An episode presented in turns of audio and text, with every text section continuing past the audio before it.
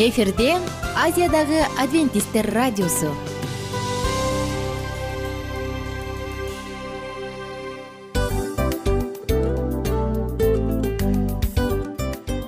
Достор салют. Баардык сүйүктүү угармандарыбызга салам айтабыз. Кутман күнүңүздөр менен. Ден соолук өмүрдүн булагы демекчи саламат саамы программасында баарыңыздарды көргөнүбүзгө абдан кубанычтабыз. Анда алгач амандашып өтөлү арбаңыздар деп. Ден соолугуңуздар кандай элибизде көбүнчө ден соолук кандай дегенде эле жакшы деп жооп беребиз э? ооруп турсак дагы жакшы дейбиз. Анан мен муну айтып ойлойт элем бул абдан сонун сөз депчи анткени бул жакшы деген үмүт да э баары жакшы болот. Баары сонун. Деп үмүттөнүп атып эле өзүбүздү өзүбүз дарылап коебуз. Анысы кандай? Сиздин дагы ден соолугуңуз жакшы беш деген үмүттөбүз чындыгында ден соолук бул өмүрдүн булагы деп бекеринен айтылган эмес деп ойлойм. Кыргыз элинде анткени эгерде ден соолук жок болсо анда адамдын жашоосунда калган баардык керектүү маңыздуу нерселер өзүнүн баалуулугун жоготуп коет. Ошондуктан ден соолук бул эң керектүү нерсе. Ооба туура айтасың кесиптешим чынында ден соолугуң жок бир эки үч күн ооруп калсаң эле кандай болуп калат? Жашоодо көз каранды болуп каласың көп нерсеге жетишпей каласың көп нерсени кыла албай каласың жада калса эшикке дүкөнгө да чыга албай каласың. Туптуура анан ден соолук болсо демек биз биздин бактыбыз тотой деп койсок болот. Анда достор саламат саамы рубрикабызды баштайлы. Алдыда өзүңүзгө керектүү болгон сонун кеңештерди уга аласыздар. Мына ошондуктан биз менен бирге болуңуздар. Ал эми биз болсо милан жана айнура. Кеттик алга. Алга саламат саама ден соолуктун жарчысы. Саламат саама ден соолуктун ачкычы. Күн сайын сиз үчүн мыкты кеңештер сонун жаңылыктар кызыктуу фактылар биздин рубрикада.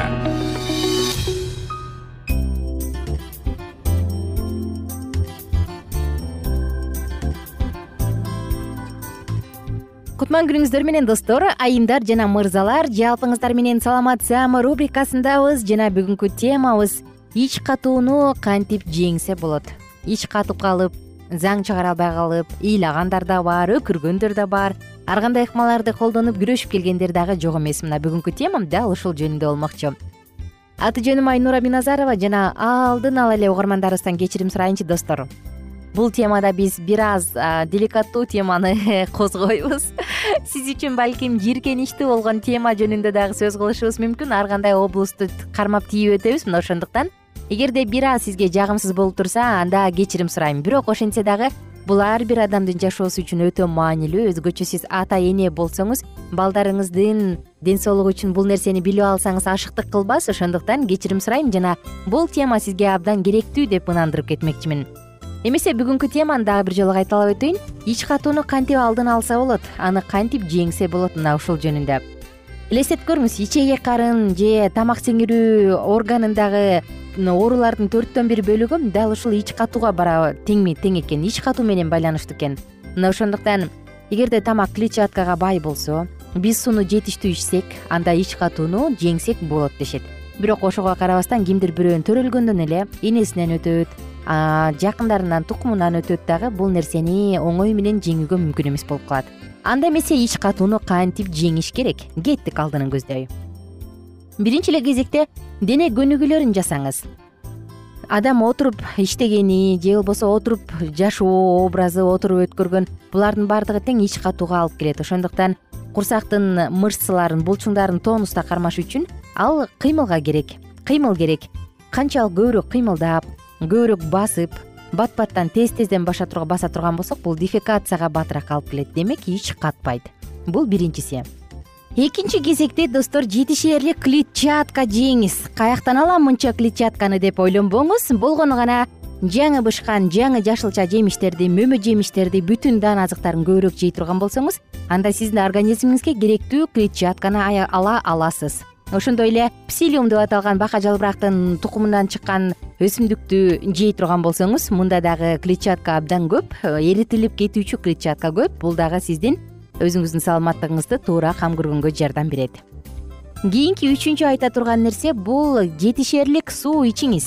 Биз чындыгында сууну жетишсиз ичебиз аз ичебиз ошондуктан организм заңдан сууну соруп алат. Мунун натыйжасында заң катуу болуп калат дагы анан оңой менен сыртка чыкпайт. Ошондуктан заң жумшак болуш үчүн жетишээрлик суу ичиңиз. Төртүнчү ичеги карын үчүн табигый процедураларды колдонуңуз. Мурунку уктуруубузда эгерде эсиңизде болсо уккан болсоңуз анда биз массаж жөнүндө сөз кылганбыз. Клизма отуруп ванна жасоо жөнүндө сөз кылганбыз. Мына булардын баардыгы тең ичеги ичтин катуусун оңой дарылоо жана ошондой эле оңой жеңүүгө жардам берүүчү процедуралар. Курсакка кантип массаж жасайбыз? Кыскача айта кетейин. Үч үчтөн эки колдун пальчиги манжаларын аласыз дагы оңдон солду көздөй жарым шаар түрүндө улам улам баскылап баскылап жасайсыз бир нече жолу. Үчүнчү кезекте төртүнчү кезекте айта турган кеңешибиз бул этти колдонууну азайтыңыз кадимки эле этте клетчатка жок тескерисинче анда ичеги карында чирүүгө алып келүүчү бактериялар көп болгондуктан сиздин заңыңыз катып калат. Өзүңүздүн заңыңызга көз салып жүрүңүз. Кандай болуп жатат канча болуп жатат бул жөнүндө кененирээк сөз кылабыз алдыда ошондой эле бир жакка бара жаткан болсоңуз жолдо болсоңуз саякатка чыгып атсаңыз негизи эле өзүңүздүн күнүмдүк жашап көнүп калган обстановка өзгөрүп атса демек ичеги карында сөзсүз түрдө перистальтикада бир өзүнчө бир жайлануу процесси жүрөт эмеспи. Ич көбөйөт заң катыйт дааратканага чоң бара албай кыйналат. Мындай учурда жолдон катуу тамактарды эмес оор тамактарды эмес. Тескерисинче жемиштерди жашылчаларды көп жеп сууну көп ичкенге аракет кылыңыз. Колдон келишинче көбүрөөк жаңы мөмө жемиштерди жеңиз. Алардын курамында дагы бир жолу кайталайын. Клетчатка көп жана мында табигый ич алуучу сонун бир өзгөчөлүктөр бар болгондуктан адам көп кыйналбайт. Өзгөчө сиздин ичиңиз катып атканда ичиңиз өтүп атканда алма жеңиз. Алма жакшы жардам берет. Жана жумшак ич алуучулар бар. Бул магний тузу магний абдан ичеги карынга абдан жакшы жардам берет жана заңды жумшартат. Алоэ вера анын ширесиби согу же желесиби кечинде жатаарда бир кашык жеп кое турган болсоңуз түнү менен сиздин ичеги карыныңыздын баардыгын тазалайт дагы эртең мененкиге чейин заңды жумшартып коет жана американын крушинасынын тундурмасы деп коет. Бул нерсе дагы жакшы. Эми кандай негизи эле туура дааратканага чоң баруу же болбосо заң кандай болуш керек? Канча жолу барыш керек негизи идеалдуу түрдө күнүгө эртең менен жумушка чыгаар алдында эртең менен барыш керек чоңго. Күнүнө жок дегенде эле бир жолу барыш керек. Анан заң адамдан кыйналып катып оорутуп эмес тескерисинче жеңилдик алып келе тургандай чыгышы керек. Британиялык хирург денис беркет бир укмуштуу деталдуу изилдөө жүргүзгөн. Анда ал мындай дейт клетчатка адамдын ичеги карынына жана жалпы эле организмине абдан чоң таасир тийгизет дейт. Ал уганда иштеп жүргөндө бир нерсеге көңүл буруптур таң калыштуу анан кичине жийиркеничтүү болушу мүмкүн бирок кечирим сурайм. Африкалыктардын заңы кадимки эле европада жашаган э, батыш европанын тургундарына караганда айырмаланат дейт. Анткени алардын заңы чоң жана салмактуу келет дейт. Көрсө достор адамдын заңы канчалык чоң жана салмактуу болсо ошончолук анда жоон ичегинин рак оорусу аппендицит геморрой жана ар кандай таштын чогулуусу организмде ашказандын жарасы онекел ичегинин оорусу сыяктуу көйгөйлөр жок болот дептир элестетиңиз. Канчалык адамдын заңы чоң жана көлөмдүү боло турган болсо мындай оорулар ошончолук аз болот деп эсептеп чыккан изилдеп чыккан. Эмне дейбиз достор? Бизде кыргызстанда кудайга шүкүр таза суу абдан көп мол эң эле кеңири ошондуктан таза сууну колдон келишинче көп ичиңиз көп жашаңыз оорубаңыз жана бактылуу болуңуз. А мен болсо сиздер менен коштошом кийинки уктуруулардан кайрадан амандашканча деп айтмакчымын. Жана күнүмдүк рационуңузга сөзсүз түрдө өсүмдүк табигыйбы өсүмдүктөн алынганбы клетчаткаларды көбүрөөк колдонуңуз көбүрөөк суу ичиңиз ары бери жака көбүрөөк чыга турган болсоңуз жолго фруктыларды мөмө жемиштерди жашылчаларды алып алыңыз. Булар сиздин ичеги карыныңызга чоң жакшы таасирин тийгизет кайрадан амандашканча сак саламатта туруңуздар. Күнүңүздөр көңүлдүү улансын.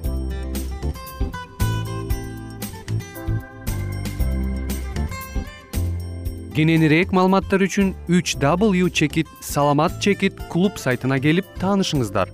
Жана андан тышкары социалдык тармактарда youtube facebook жана instagram баракчаларына катталыңыз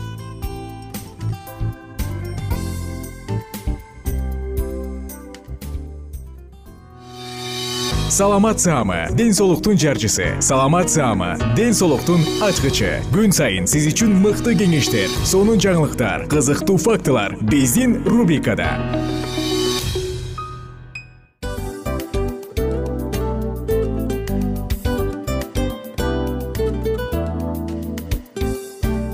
Салам достор.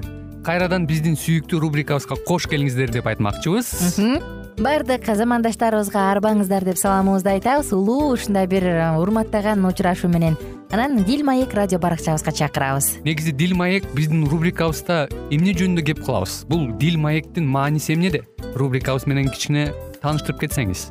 Сөзсүз түрдө тааныштыра кетейин кесиптешим суранычы боюнча бул учурда бул радио баракчада биз ар тарап кесип ээлеринен сонун кеңештерди алабыз сүйлөшөбүз сырдашабыз. Аталарыбыздын эжелерибиздин апаларыбыздын кеңештерин угабыз айтор. Жан дүйнөгө адамдын э, сапатына адамдын деги эле адам болуп жашашына керектүү баардык кеңештер алдыда. Негизи э, дил маек дегенде баягы эки адамдын ортосундагы сырдашуу кенен сүйлөшүү. Негизи эле биз адамдар бири бирибиз менен бир жерге жай жерге отуруп алып өзүнчө тынч жашоо жөнүндө өмүрүбүздө эмне болуп атканын бөлүшкөнү жакшы көрөбүз э адамдар. Ооба туура айтасың. Анан мындай учурга кээде убакыт да жетпей келет э? Же болбосо сырыңды кайгыңды муңуңду кубанычыңды айткың келет а адамга ишенбешиң мүмкүн. Ооба. А бул радио баракча угармандарыбыздын чыныгы досу. Анткени бизден алган кеңеш сиздин жашооңузга чоң жардам берет. Ал эми сиздин бизге айта турган сөзүңүз ортодо гана сыр бойдон калат. Ошондуктан биздин дил маек рубрикабызга дагы бир жолу кош келиңиздер жана биз даярдаган маалыматтарга даяр болуңуздар. Айнура жана милан сиздер менен бирге алдыга кеттик. Ар түрдүү ардактуу кесип ээлеринен алтын сөздөр жүрөк ачышкан сыр чачышкан сонун маек дил маек рубрикасында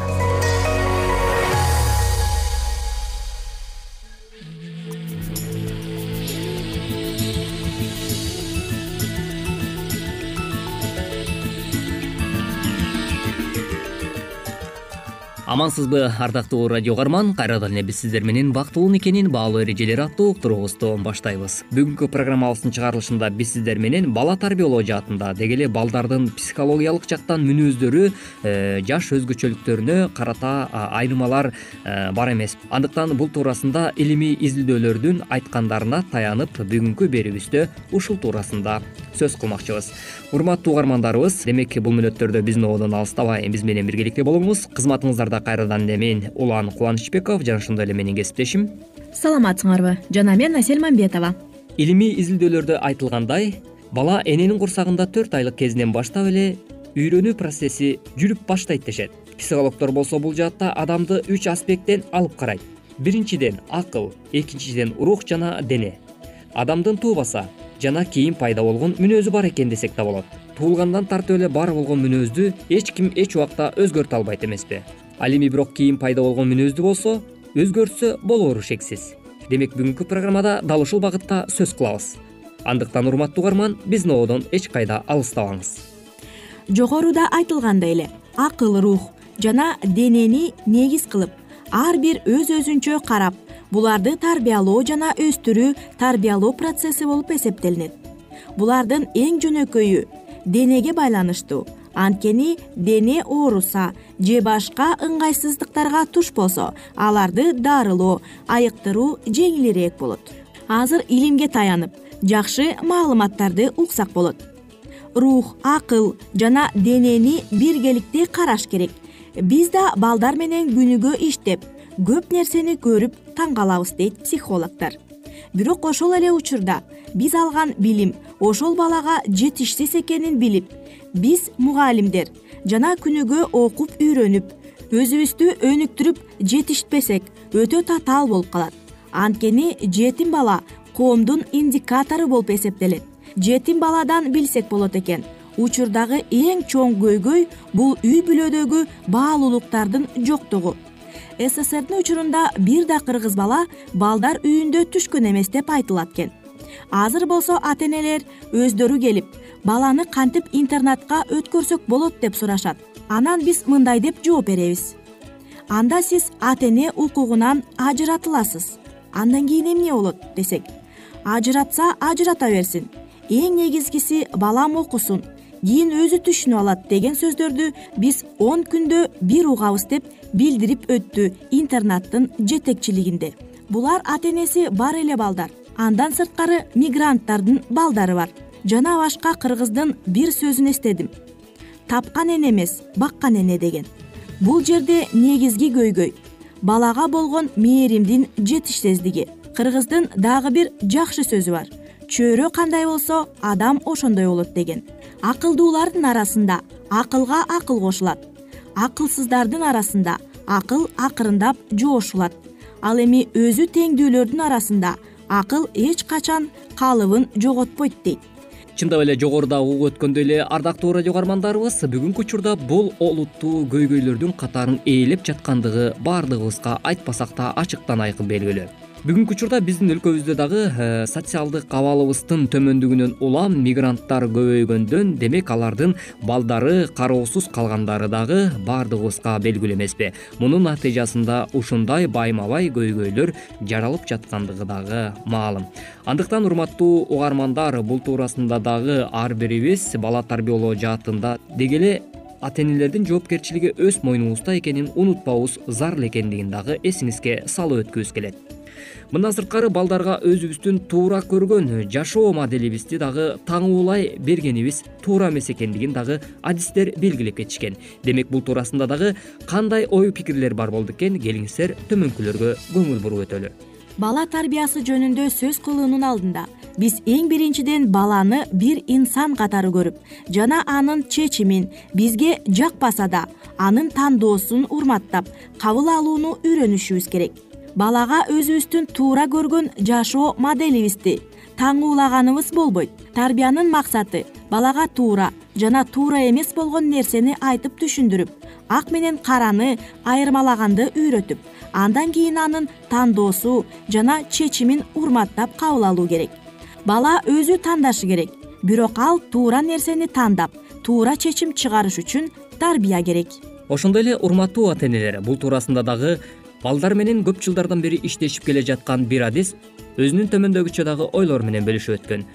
Мен бул системада иштеп бир өтө маанилүү нерсени түшүндүм. Эгерде биз ушул системада аткарылган ишти мамлекет деңгээлинде ишке ашыра алсак ар бир ата эне балалуу болоордон мурда атайын билим алууга милдеттендирсек анда эртеңки муунду дений жана психологиясы сак ар тараптуу өнүккөн бактылуу кылып тарбиялай алабыз деген үмүт болмок. Келечекте дурус бир коом тарбиялай алсак болот эле. Эне аталарга ушул маселени жеткирип түшүндүрөлү өзгөчө аталарга анткени мындай темага көбүнчө эле апалар кызыгат. Аталардын иши жок а бирок оорчулуктун баары ошол аталардан чыгат себеби эне деген ансыз деле мээримдүү. Ата келип көбүнчө үйдөгү атмосфераны бузат. Энелер көп эле аракет кылышат. Алардын биологиялык табигый ролу үзүлүп элек. Аздыр көптүр эркектерге караганда ырыскыны аял киши көбүрөөк сактайт экен.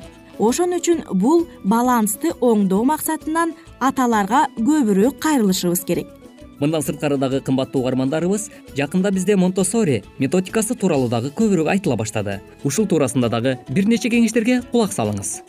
Монтесори методикасы деген эмне? Сенин эркиндигиң башка бирөөнүн эркиндиги башталган жерде аяктайт деген сөз бар балдар бир жарым жашынан баштап ушул убакыттан баштап ага тандоо мүмкүнчүлүгү менен бирге жоопкерчиликти өз мойнуна алуу сунушталат. Балага өз теңиңе сүйлөгөндөй сүйлөп мамиле кылсаң бул анын чоң киши болушуна түшүнүү менен чечим чыгарып тандоо кылышына жардам берет. Мына ошентип кымбаттуу ата энелер бүгүнкү программабыздын чыгарылышында биз илимий изилдөөлөрдүн айткандарына таянып айрым бир кеңештер туурасында бөлүшүп өттүк. Уктуруубузга назар салганыңыз үчүн ыраазычылык билгизебиз. Кайрадан эле эмки уктуруудан үн алышканча сак саламатта болуңуз. Ар түрдүү ардактуу кесип ээлеринен алтын сөздөр жүрөк ачышкан сыр чачышкан сонун маек дил маек рубрикасында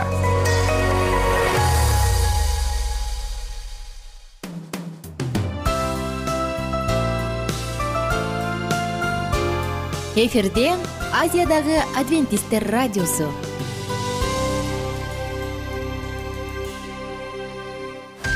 Жан дүйнөңдү байыткан жүрөгүңдү азыктанткан жашооңо маңыз тартуулаган жан азык рубрикасы.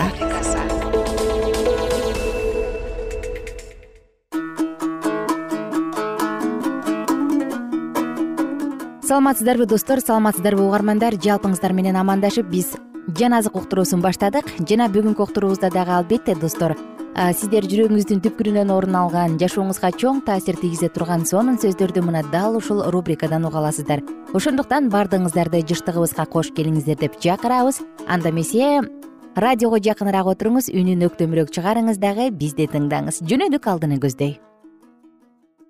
Насаатчы китеби жетинчи бөлүм жыйырма биринчи аяттан тарта кулунуңдун сени жамандап жатканын угуп калбашың үчүн айтылган ар кандай сөзгө көңүл бура бербе. Анткени сенин жүрөгүң өзүңдүн да бирөөлөрдү жамандаган учурларыңды жакшы билет. Мен мунун баарын акылмандык менен сынап көрдүм. Мен акылдуу адам болом дедим. Бирок акылмандык менден алыс. Болуп өткөн нерсе алыс жана терең. Аны ким таанып биле алат? Мен акылды жана акылмандыкты билгенге изилдегенге издеп тапканга жана акылсыздын мыйзамсыздыгын жана наадандыкты акылсыздыкты таанып билгенге көңүл койдум. Ошондой эле мен аялдын өлүмдөн да ачуу экенин түшүндүм. Анткени аял өзү тор жүрөгү тузак колу кишен. Кудайдын алдында адил адам андан куткарылат. Ал эми күнөөкөр анын торуна түшөт биринин артынан бирин сынап жатып мен мына ушуну түшүндүм деди насаатчы. Менин жаным издеп бирок таба албаган дагы эмне бар миңдин арасынан бир гана эркек таптым. Алардын арасынан бир да аял таппадым. Мен муну гана түшүндүм. Кудай адамды адил кылып жараткан бирок адамдар ар кандай ойлоп чыгарылган нерселерге берилип кетишкен сегизинчи бөлүм. Ар кандай нерсенин маанисин акылман түшүнгөндөй ким түшүнө алат? Адамдын акылдуулугу өзүнүн жүзүн жарык кылат. Анын катаал жүзү өзгөрөт. Мен мындай кеңеш берем. Падышанын сөзүн кудайдын алдындагы антты аткаргандай аткар. Анын алдынан кеткенге шашпа жаман ишиңден кайтпай туруп алба анткени ал каалаганыңдын баарын кылып кое алат. Падышанын сөзү бар жерде бийлик бар. Ага эмне кылып жатасың? Деп ким айта алат? Осуятты сактаган адам эч жамандык көрбөйт. Акылдуу адамдын жүрөгү убакытты да мыйзамды да билет. Анткени ар бир нерсенин өз убактысы өз мыйзамы бар. Бирок адамдын көп жамандык көргөнү келечекте эмне болорун билбегенинде келечеги кандай болорун ага ким айтып бере алат? Адамдын шамалды кармап калыш үчүн шамалдын үстүнөн бийлиги жок анын өлүм келген күндүн үстүнөн бийлиги жок.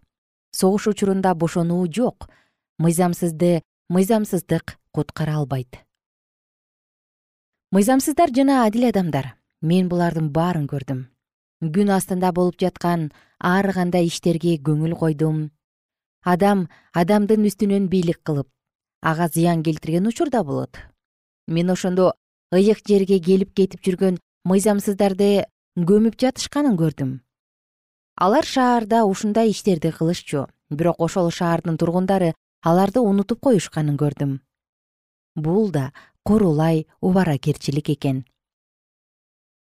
Кыянат иштерди кылган адамдар дароо эле жазаланышпайт ушундан улам адам баласынын жүрөгү кыянаттык кылуудан коркпойт.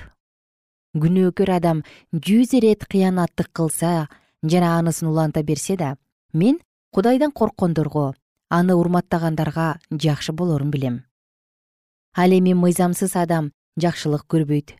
Ким кудайды урматтабаса ал көлөкө сыяктуу көпкө турбайт. Жер үстүндө дагы мындай түшүнүк бар. Мыйзамсыздар өз иштерине жараша көрө турганды адил адамдар көрөт. Ал эми адил адамдар өз иштерине жараша көрө турганды мыйзамсыздар көрөт. Ошондо мен бул да курулай убаракерчилик дедим. Ошондо мен кубанычты мактадым.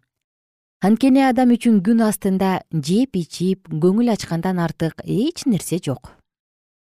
Кудай күн астында берген өмүрү өткөнчө адамдын бүт эмгегин бул кубаныч коштоп жүрөт. Мен акылмандуулукка жетүүгө жана жер үстүндө болуп жаткан иштерди адам баласынын күндүз да түн ичинде да уйку көрбөй иштеген иштерин көрүүгө көңүл койдум. Ошондо мен кудайдын бардык иштерин көрүп күн астында болуп жаткан нерселерди адам баласы түшүнө албастыгын билдим адам аны изилдөөгө канчалык аракеттенбесин баары бир түшүнө албайт. Эгерде бир даанышман мен билем десе да ал аны түшүнө албайт. Насаатчы тогузунчу бөлүм. Мен ушулардын баарын изилдегенге көңүл коюп адил адамдар да акылдуу адамдар да алардын иштери да кудайдын колунда экенин адам өзүнүн алдында сүйүүбү же жек көрүүбү кайсынысы күтүп турганын билбегенин билдим. Баарына адил адамга да мыйзамсыз адамга да ак ниетке да кара ниетке да тазага да таза эмеске да курмандык жалганга да курмандык чалбаганга да жакшылык кылганга да күнөөкөргө да ант бергенге да анттан коркконго да бир үлүш.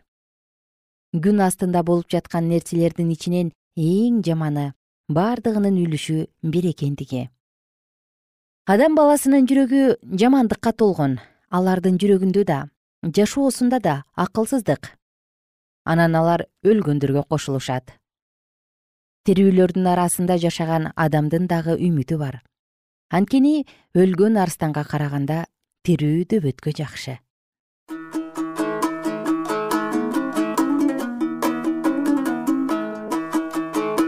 кымбаттуу окурмандар кымбаттуу угармандар кымбаттуу замандаштар. Жалпыңыздар менен бүгүн дагы биз насаатчы китебинен эң сонун сөздөрдү окуп өттүк. Мына ошондуктан угармандарыбызга кааларыбыз сиздин жүрөгүңүздүн тереңинде сөзсүз түрдө жарык нур үмүт жана ыйман болсун деген гана тилек. Биз болсо сиздер менен убактылуу коштошобуз кайрадан кийинки уктуруудан амандашканча сак саламатта туруңуздар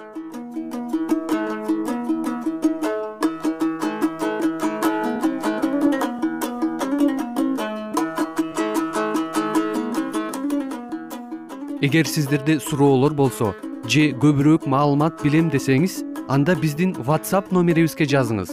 Плюс бир үч жүз бир жети жүз алтымыш алтымыш жетимиш. Кайрадан плюс бир үч жүз бир жети жүз алтымыш алтымыш жетимиш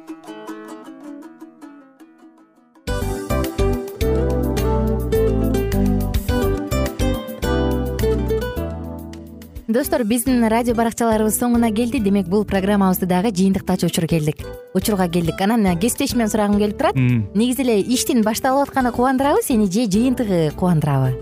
Албетте жыйынтыгы. Себеп дегенде сен кылган ишиңдин жыйынтыгын көрүп э, баягы мөмөсүн көрүп дегендей жыргайсың жүрөгүң жемишинен тартып э кандай даамдуу деп. Баягы буудай сепкенде эмес буудайдын эгинди жыйнагандан кийин ысык нанды жегенде кадимкидей ырахаттанасың го? Ой айтпа туура айта кеттиңиз. Сонун салыштыруу болду анан мен дагы абдан кубанып турам анткени биз угармандарыбыз үчүн аябай эмгектенип келген уктуруубуздун соңуна келип калдык. Анан эми уктуруу э, уктуруубуздун соңунда угармандар кандай пайда алып калды экен деп күтүп турам да. Балким э, менин жашоомо өзгөрүү киргизе турган сонун сөздөр болду.